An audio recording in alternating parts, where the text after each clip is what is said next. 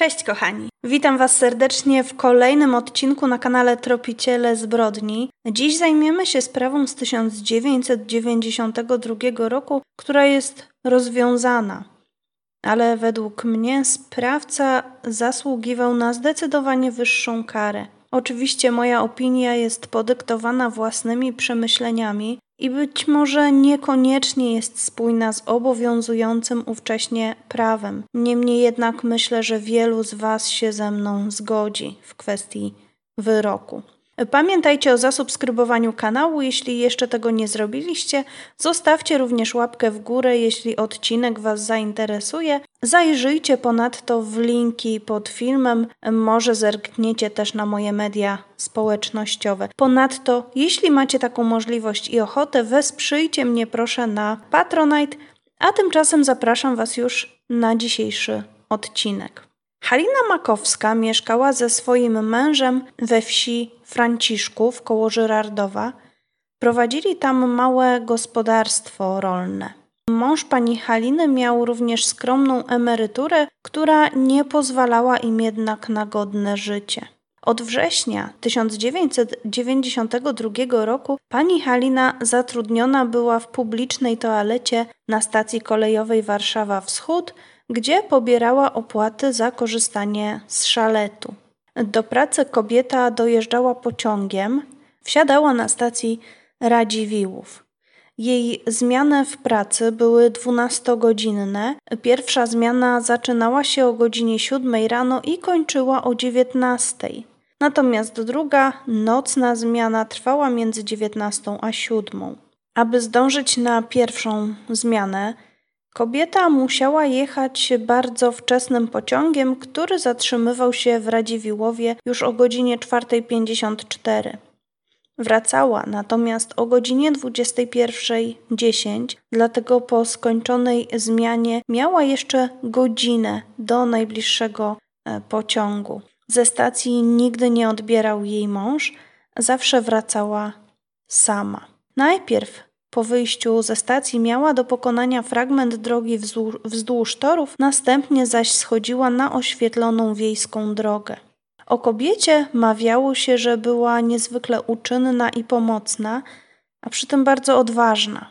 W piątek 16 października 1992 roku pani Halina Makowska pojechała do pracy na pierwszą zmianę. Przypomnę, jej pociąg odjeżdżał z Radziwiłowa już przed piątą rano. W pracy spędziła prawie 13 godzin. Pomiędzy godziną 19 a 19.40 rozliczała się ze zmienniczką z dziennego utargu, a poza tym nie spieszyła się na pociąg, dlatego około 40 minut rozmawiała jeszcze z koleżanką z pracy. Prawdopodobnie nie były to jakieś szczególnie ważne e, tematy. Na kilka minut przed godziną 20 wsiadła do pociągu i odjechała w kierunku domu. O godzinie 21.10 pociąg planowo zatrzymał się na stacji w Radziwiłowie. Gdy pani Halina wysiadła z pociągu, zaczęła iść wzdłuż torów, tak jak robiła to za każdym razem. Świadkowie widzieli, jak z pociągu wyszedł również pewien młody mężczyzna i ruszył w tę samą stronę co pani Makowska. Dwa portrety pamięciowe przedstawiające tego mężczyznę zostały pokazane widzom magazynu kryminalnego 997. Tego dnia pani Halina Makowska nie dotarła do domu. Jej mąż pomyślał, że być może jego żona została w pracy na dodatkową zmianę i wróci kolejnego dnia. W przeszłości już tak się zdarzało, a ponieważ komunikacja w tamtych czasach była znacznie utrudniona, w takich sytuacjach często opierano się na domysłach i raczej nie zakładano czarnych scenariuszy. Niestety telefony nie były tak powszechne jak obecnie.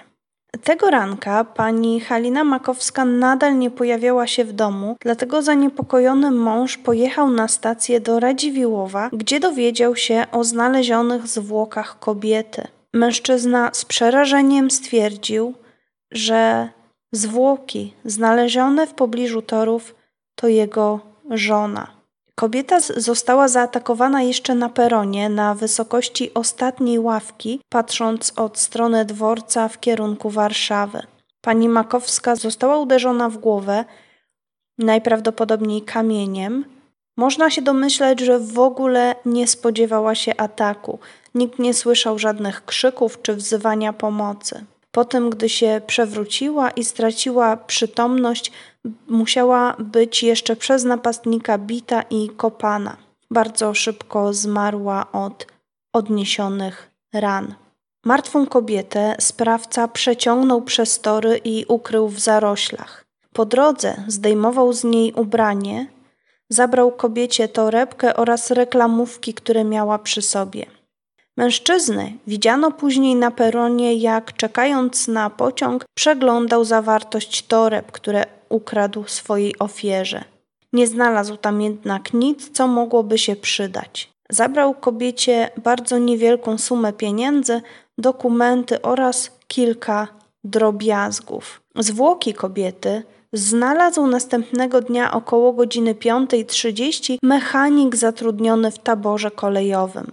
Mężczyzna natychmiast powiadomił policję o tym, że w pobliżu stacji Radziwiłłów leżą obnażone zwłoki kobiety. Miała ona na ciele liczne rany, w tym dwie rany tłuczone głowy. W pobliżu ciała znaleziono również torby oraz przedmioty należące do kobiety. Policja bardzo szybko ustaliła nazwiska pasażerów podróżujących tym samym pociągiem co pani Halina. Dowiedzieli się również, że na stacji za panią Makowską wysiadł pewien młody mężczyzna, którego portret pamięciowy sporządził policyjny rysownik. Na policji stawiła się również kobieta, która twierdziła, że była świadkiem ataku na panią Halinę. Policjanci uznali, że napastnikiem był prawdopodobnie młody mężczyzna, który szedł za Haliną na stacji. Ten sam, który był wcześniej widziany w pociągu, a potem wyszedł za kobietą w Radziwiłowie.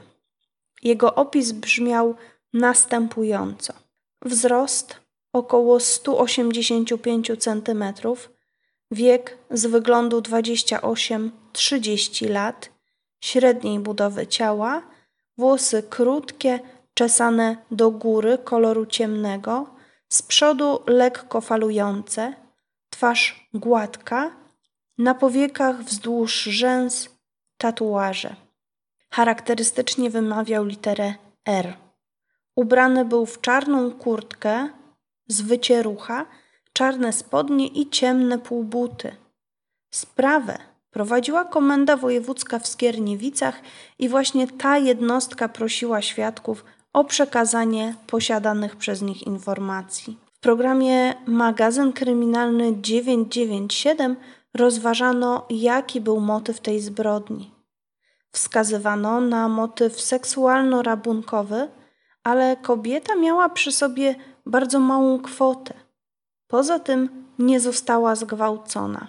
Być może motyw był zatem rabunkowy, a sprawca spodziewał się większej kwoty w portfelu. Natomiast motyw seksualny mógł po prostu zostać przez niego upozorowany. Jak udało się później ustalić, zabójca udał się pieszo wzdłuż torów w kierunku Warszawy i prawdopodobnie wsiadł do pociągu jadącego do stolicy. Dokładnie dwa tygodnie później 30 października 1992 roku w Żyrardowie dokonano napaści na pewnej kobiecie. Sposób działania sprawcy był bardzo podobny do tego, jakim posłużył się zabójca Haliny Makowskiej. W związku z tym podejrzany o napad w Żyrardowie mężczyzna z miejsca stał się również podejrzanym w sprawie zabójstwa w Radziwiłowie. 20 4 listopada Piotr W. trafił do aresztu w związku ze sprawą z Żyrardowa z października 1992 roku, a także kradzieży torebki z dnia 22 listopada 1992 roku. Porównanie odcisków palców Piotra W. z pozostawionymi przez sprawcę zabójstwa pani Makowskiej dały pozytywny wynik. Policyjny nos prowadzących śledztwo nie mylił się. Policjanci poszli jeszcze o krok dalej, przeszukali jej mieszkanie mężczyzny, gdzie znaleziono kurtkę, którą tamtego wieczoru mógł mieć na sobie sprawca i znaleziono na niej ślady krwi, jednak w tamtych czasach metody badawcze nie pozwoliły ze stuprocentową pewnością określić, czy krew należała do zamordowanej kobiety. Po okazaniu podejrzanego świadkom z Radziwiłowa jednoznacznie rozpoznali oni go jako człowieka, z którym rozmawiali na stacji w dniu zabójstwa pani Makowskiej. Mężczyźnie postawiono zarzut morderstwa, do czego nie przyznał się. Wyjaśnił, że owszem, znajdował się tamtego wieczora na stacji w Radziwiłowie, ale planował tylko okraść kobietę. Twierdził, że kiedy chciał wyrwać jej torebkę, kobieta zaczęła się z nim szarpać, bronić się i w związku z tym uderzył ją pięścią w twarz, po czym kopnął ją kilkukrotnie. Kobieta przewróciła się i uderzyła się w głowę, a on wówczas uciekł z rzeczami, które jej zabrał. Twierdził również, że Makowska po całym zdarzeniu wstała w związku z czym uważa on, że jej nie zabił. Twierdził również, że Makowska miała upaść na tory, a on odciągnął ją jeszcze na bok, kiedy zauważył w oddali nadjeżdżający pociąg. I swoją wersję zaprezentował również w czasie wizji lokalnej. 21 września 1993 roku Piotrowi W. postawiono trzy zarzuty: kradzieży oraz zabójstwa. Piotr W. do końca bronił się, że śmierć Haliny Makowskiej była przypadkowa, ponieważ kobieta przewróciła się w trakcie szarpaniny, uderzyła w głowę i z tego powodu zmarła. Sekcja zwłok wykluczyła taki przebieg zdarzeń, ponieważ rany miały charakter czynny, a nie bierny. I oznacza to, że doszło do uderzenia jakimś przedmiotem, najprawdopodobniej kamieniem, a nie, a nie doszło do upadku, w wyniku którego kobieta doznała obrażeń, co sugerował oskarżony. Jak pamiętamy, Piotr W. twierdził, że kobieta wstała jeszcze po upadku, ale lekarze wykluczyli taki scenariusz. Makowska nie byłaby w stanie podnieść się po takich obrażeniach. 20 stycznia 1994 roku przed Sądem Wojewódzkim w Skierniewicach rozpoczął się proces przeciwko Piotrowi W. Na stronie bez przedawnienia autorstwa pana Huberta Cordosa możemy przeczytać opis wydarzeń tamtego dnia, które autor opisał na podstawie akt sprawy i tak e, cytuję. Krytycznego dnia oskarżony rano pojechał pociągiem do Jasionki, gdzie spotkał swojego kolegę. Spotkanie Obaj dżentelmeni postanowili godnie uczcić, prędko więc udali się w stronę najbliższego sklepu monopolowego, gdzie w drodze złożenia odpowiednich oświadczeń woli nabyli w drodze kupna kilka butelek wina. Po dokonaniu tych czynności prawnych bez zwłoki skierowali się do lasku i tam zakupiony alkohol spożyli. Oskarżony nie dysponował tego dnia środkami pieniężnymi, jednak do grona biesiadników na łonie natury dołączył jego ojciec, który ku uciesze zgromadzonych zasponsorował zakup kolejnych czterech butelek wina. Na łonie natury mężczyźni zabawili do godziny 14, a następnie przenieśli się do miejscowej restauracji, gdzie przystąpili do picia wódki. W restauracyjnej libacji brało udział pięciu mężczyzn. Wspólnie wypili cztery butelki wina. Oskarżony był pijany, nie pamiętał później w jaki sposób wyszedł z restauracji i co później robił. Pamięć wróciła mu dopiero na dworcu kolejowym. Zapytał, gdzie się znajduje, a jakiś młody chłopak powiedział mu, że w Radziwiłowie. Chwilę porozmawiał z tym chłopakiem, a po, po przyjeździe pociągu z Warszawy na moment wszedł na pomost pociągu. Tym samym pociągiem ze stolicy przyjechała Halina Makowska. Koniec cytatu. I z tego opisu wynika zatem, że za zabójstwem pani Haliny Makowskiej nie stał człowiek, który jechał tym samym pociągiem co ona z Warszawy, ale mężczyzna, który po libacji alkoholowej znalazł się na stacji w Radziwiłowie. Sąd skazał Piotra W. na 11 lat pozbawienia wolności, uzasadniając tak niski wyrok faktem, że według sądu Piotr W. nie działał w zamiarze bezpośrednim, a śmierć kobiety była niejako przypadkowa.